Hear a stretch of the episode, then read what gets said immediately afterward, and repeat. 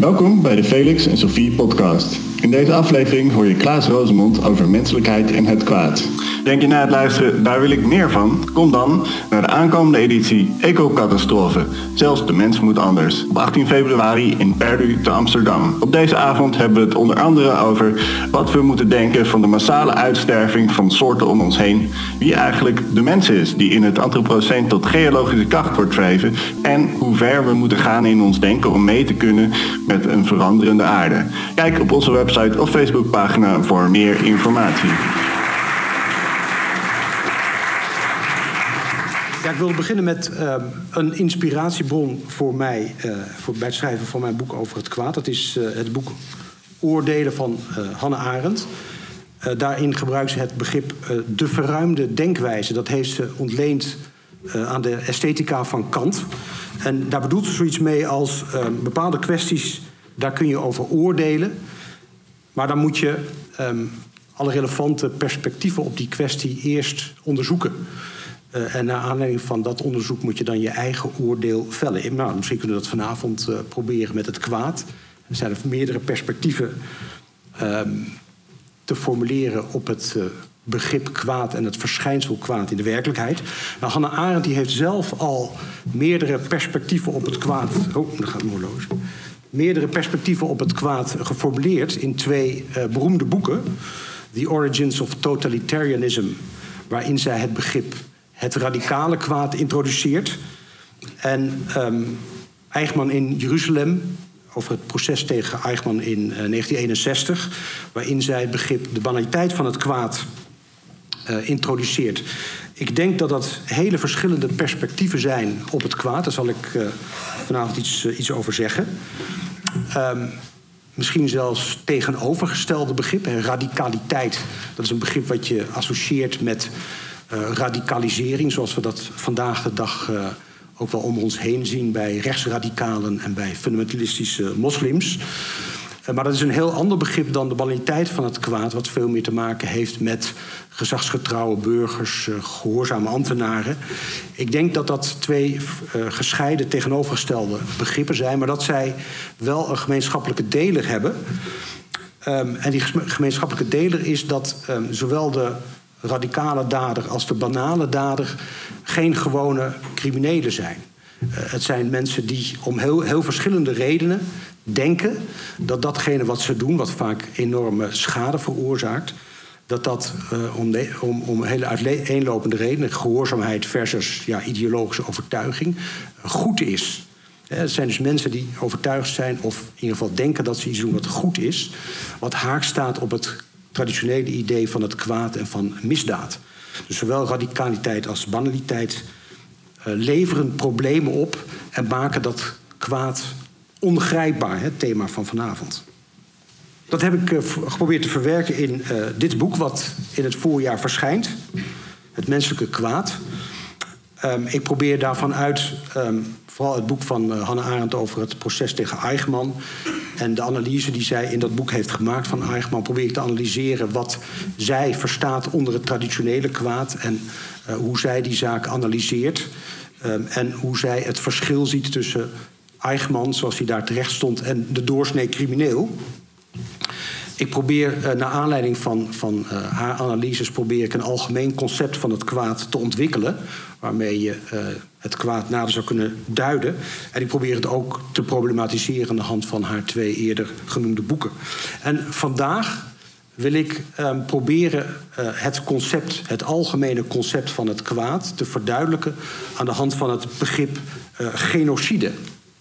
Dat is een uh, juridisch begrip, maar dat, met dat juridische begrip zou je een algemene definitie van het kwaad kunnen reconstrueren. En vanuit dat begrip kan je dan onderwerpen als radicaliteit en banaliteit ook verder analyseren. Uh, dat wil ik vandaag doen. Dus als, als alles goed gaat, dan begrijpen jullie na afloop wat genocide is.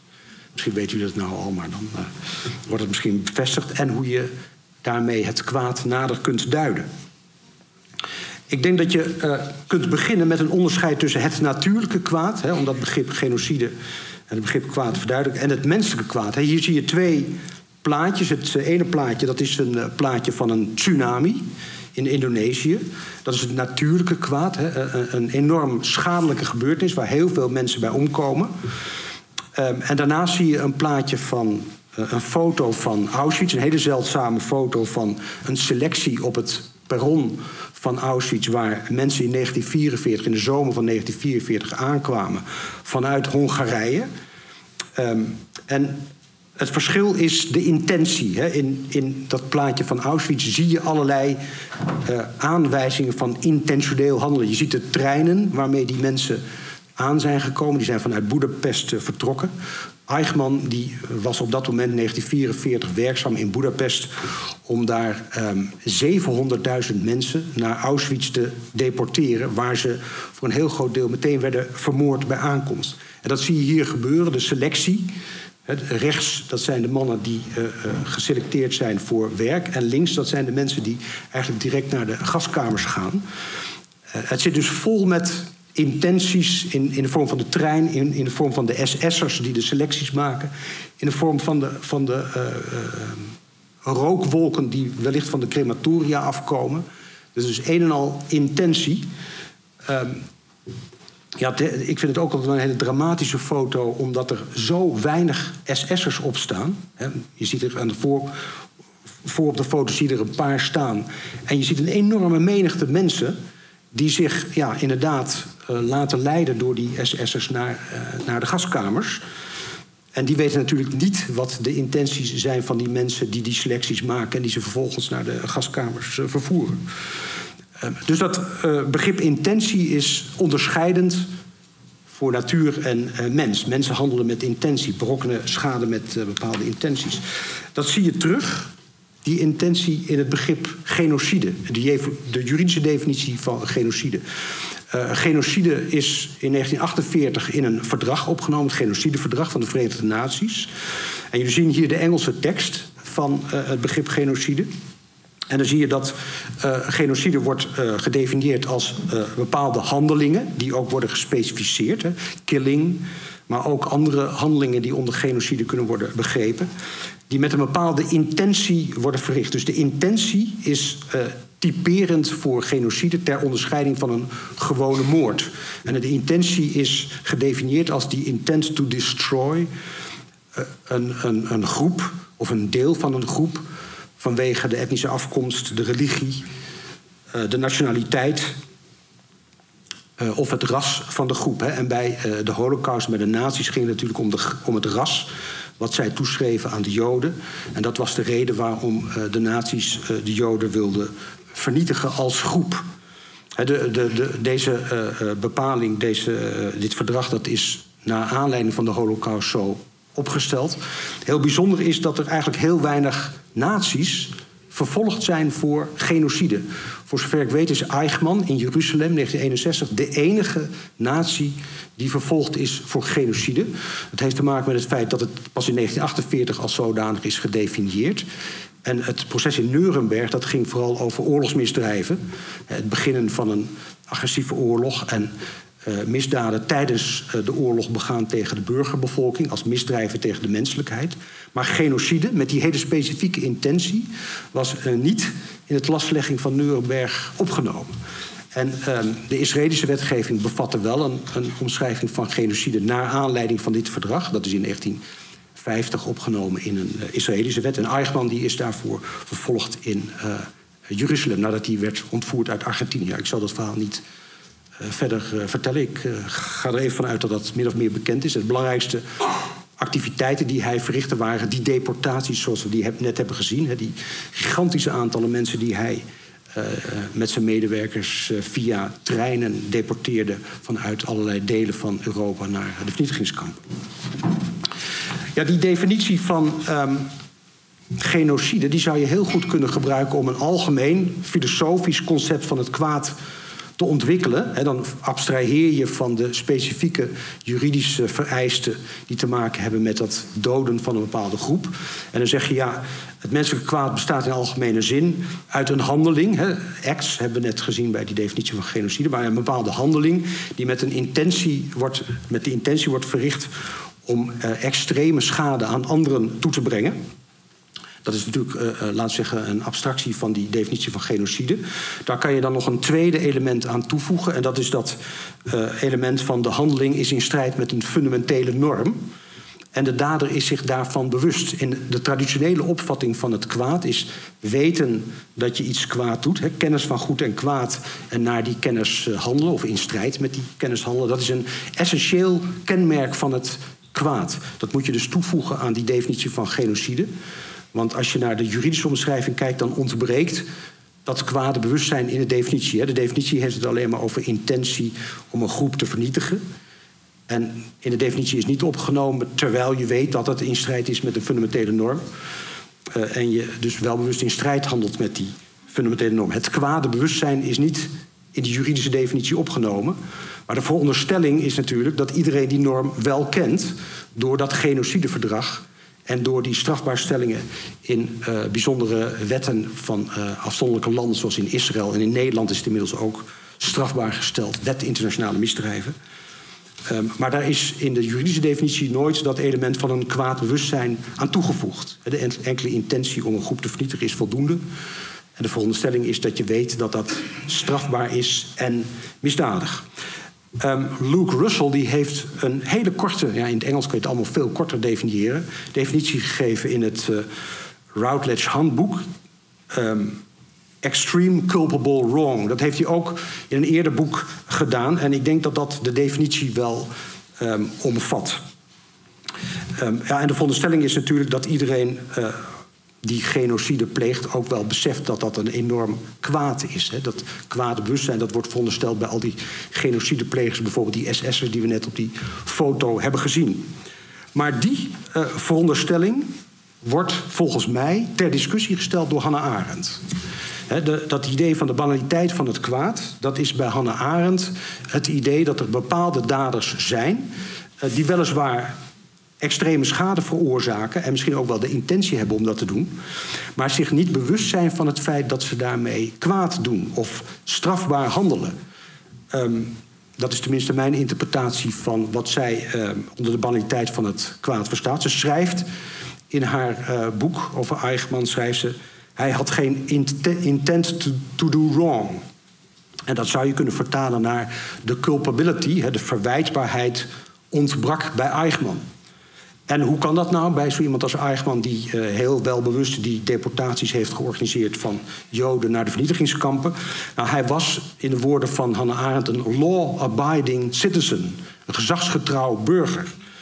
En het kenmerk van een gezagsgetrouw burger, een law-abiding citizen, is dat hij in overeenstemming wil handelen met het recht.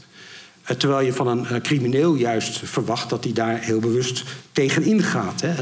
En uh, iemand als Holleder is geen law-abiding citizen, maar juist iemand die de hele tijd in de illegal, welbewust in de illegaliteit opereert.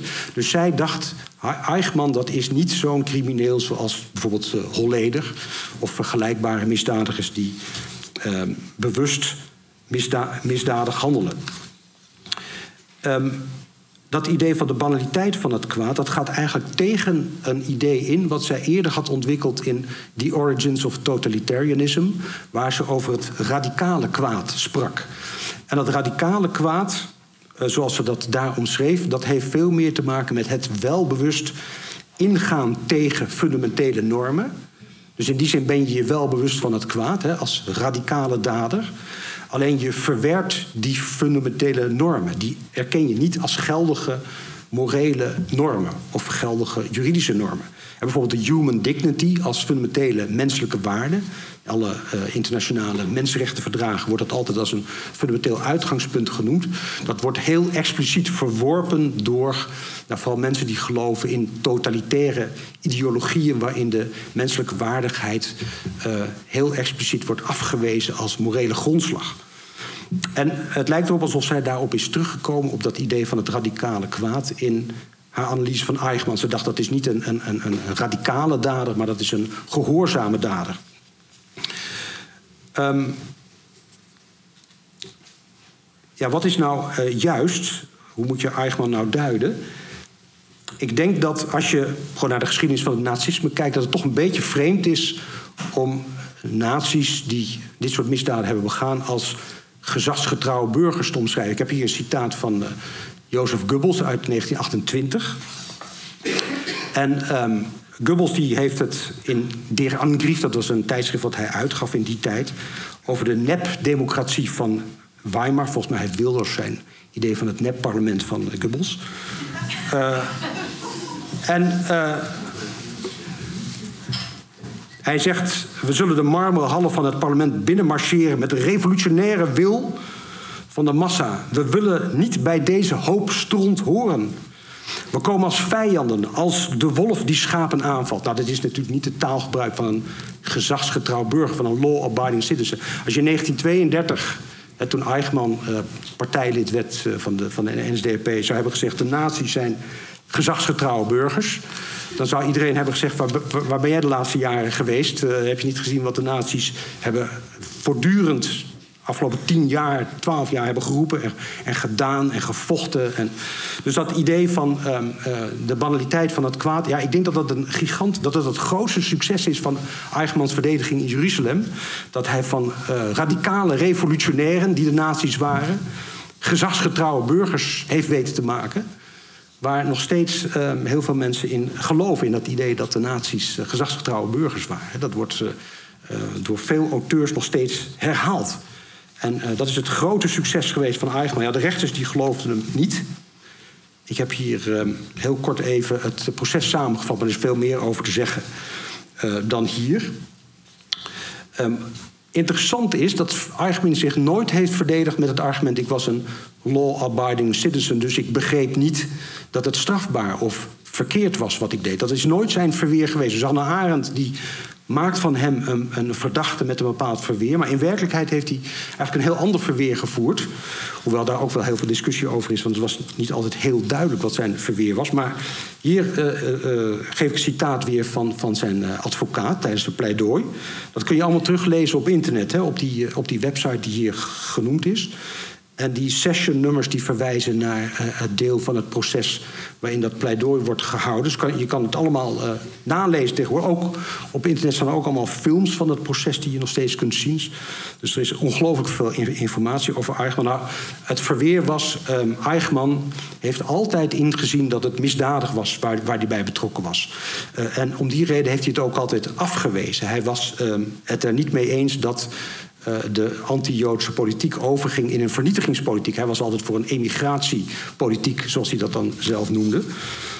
Um, maar hij zei ook: Ik uh, heb onder dwang gehandeld. Uh, ik kreeg bevelen en als ik die niet zou hebben opgevolgd, zou ik zelf zijn geëxecuteerd. In het Duitse strafrecht heet dat het bevelensnoodstand. Dat is een, een typisch argument waarbij je zegt: ja, ik moest een bevel opvolgen. En ik zou zelf worden geëxecuteerd als ik dat niet deed. De rechtbank die verwierp dat verweer.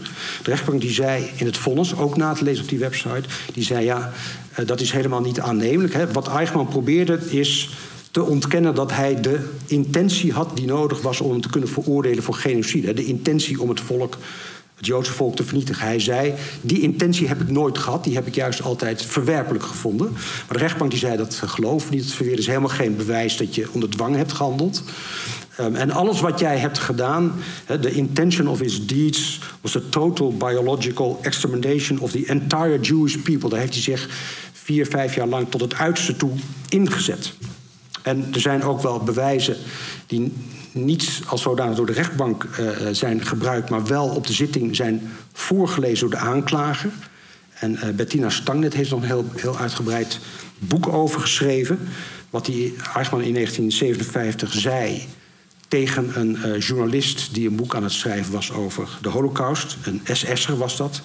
Die de nazi's wilde vrijpleiten van de, van de Holocaust. En Eichmann die wilde daar niet aan meewerken, want hij zei: Nee, dat, dat hebben we echt geprobeerd. We hebben echt geprobeerd het Joodse volk uit te roeien. En dat deden we in opdracht van ons bloed en voor ons volk. Dus Eichmann was niet iemand die gezagsgetrouw was in de zin van gezagsgetrouw aan zijn meerdere of aan, aan de staat of aan het recht, maar trouw aan zijn bloed. Dus het was een echte racist. Hè. Racistische overtuiging spreekt hieruit. Als je het boek van Stangnet leest, uh, daar geeft ze hele uitgebreide citaten weer. Wat hij toen, heeft gezegd, dat is echt uh, uh, heel extreem racisme. In 1957, toen het voor iedereen duidelijk was dat het inderdaad een van de grootste misdaden uit de geschiedenis was. maar Eichmann die stond daar nog steeds achter. Ja, ik denk dat, er, dat het ook een beetje een tragedie is dat wij dat er nog steeds mensen zijn die dat kwaad van Eichmann niet doorgronden. Maar die tragedie, dat onvermogen om kwade bedoelingen te duiden, dat speelt op heel veel niveaus een rol. Dat speelt bij de dader zelf, die denkt. Wat ik doe is goed op grond van de ideologie die ik aanhang. Dus in die zin is ook Eichmann, ook als je hem als, als een racist beschouwt, is het niet een dader zoals Holleder die uit eigen belang uh, mensen afperst. Maar is het iemand die ja, zijn eigen daden als goede daden beschouwt. in het belang van iets wat hoger is dan zijn eigen belang. Het belang van het volk. Het belang van het bloed of van je ras. Of misschien wel van alle volkeren op de wereld. Hè, zoals Eichmann dat in dat citaat zegt. Dus tragedie dat iemand dat zelf niet ziet. Maar ook tragedie dat nou ja, bijvoorbeeld de slachtoffers dat niet zien. Ik heb hier een plaatje van uh, generaal Mladic. Op het moment dat. Uh, de genocide in Srebrenica wordt eh, voorbereid. Ja, die blauwhelmen die staan natuurlijk ook voor een tragedie, omdat zij niet zien dat die uh, Mladic genocidale intenties heeft. Mladic is inmiddels, uh, zoals u wel, wel weet, veroordeeld voor genocide. Vanwege de moord op de moslimmannen. Ik denk dat het vooral voor filosofen heel belangrijk is dat de ideeën waar deze mensen in geloven worden geanalyseerd. Ik denk dat het zelfs een, een, hele specifieke filosofische taak zou kunnen zijn om, het, om ideologieën te ontmantelen. Ik denk ook dat het boek van, van Hannah Arendt over uh, totalitarisme daartoe veel meer geschikt is, omdat ze dat daar ook echt doet. Hè. Wat is een totalitaire ideologie? Hoe worden fundamentele uh, waarden ontmanteld in een ideologie? En hoe, gaan mensen zich gedragen als ze in zo'n ideologie gaan geloven? Dan radicaliseren ze, zou je kunnen zeggen. Dus eigenlijk heeft ze in 1951 al een radicaliseringsproces beschreven en geanalyseerd. Wat nu weer actueel wordt door radicaliseringsprocessen die we om ons heen zien. En dan vooral, hè, vanuit filosofisch perspectief, wat zijn de ideeën waar die mensen in geloven? Hoe moet je die analyseren? Die moeten we serieus nemen, zou ik zeggen. En dat, dat levert dan ook meteen het probleem op dat die mensen door hun geloof in een ideologie ongrijpbaar worden. Hè. Iemand als Holleder, daar kan je van zeggen, ja, dat is gewoon een schurk. Maar wat moet je nou met geradicaliseerde mensen, waar we nu ook mee geconfronteerd worden, bijvoorbeeld in, in de context van islamitische staat. En ik denk ook dat dat idee van haar over uh, radicaliteit van het kwaad beter te gebruiken is voor het analyseren dan haar idee van de banaliteit van het kwaad. Want het idee van de banaliteit van het kwaad is juist dat de relevante daders geen relevante gedachten hebben, behalve hun wens om gehoorzaam te zijn. Maar dat zijn verder mensen die nergens in geloven, behalve in, in hun plicht om gehoorzaam te zijn. En uh, ja, uh, Hannah Arendt noemde dat thoughtlessness en inability to think, onvermogen om te denken. Maar dan, dan heb je dus ook niks om te analyseren. Daarom kwam zij ook terug op haar idee van het radicale kwaad. Omdat ze dacht dat ze bij Eichmann helemaal geen ideeën aantrof. Er is geen enkele diepgang in die man aan te, aan te treffen... behalve zijn wil tot gehoorzaamheid. En ik denk dat ze zich daarin heeft vergist... en dat haar, haar oorspronkelijke idee van de radicaliteit van het kwaad... veel interessanter is. Of veel belangrijker is. Ja. Dan kom ik bij mijn laatste plaatje, oordelen. Dat moeten we dus zelf. Ik denk dat dat belangrijkste boodschap is van Hannah Arendt... of je nou gelooft in, in het idee van banaliteit of radicaliteit. Maar uiteindelijk is haar boodschap... wij moeten zelf oordelen, of jullie uh, moeten oordelen. Uh, en het is heel belangrijk dat we dat blijven doen. Haar eigen oordeel over Eichmann was... Hij moet wel worden opgehangen. Hè? Ook al had hij geen besef van zijn eigen kwaad. Hij moest wel worden opgehangen. En als je dan kijkt wat haar argumenten daarvoor voor zijn... dan komt ze toch eigenlijk weer bij dat idee van genocide uit. Hij wilde samen met zijn uh, meerderen wilde hij een volk uitroeien. Dacht hij dat hij het recht had om te beslissen over het voortbestaan van volkeren hier op aarde. En als je die intentie hebt, dan verdien je het ook niet om jezelf nog voort te leven op, uh, op de aardbodem. En daar moet je worden opgehangen. Maar als je naar die argumentatie van Arendt kijkt, dan is ze in haar beslissende oordeel over Eichmann niet meer bezig met zoiets de banaliteit van het kwaad, maar met zijn genocidale intentie, waar die voor moet worden opgehangen. Denk ik. Maar uiteindelijk moet u dat zelf beoordelen. Dank u wel.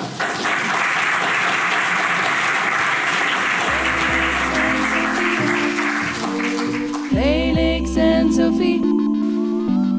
Felix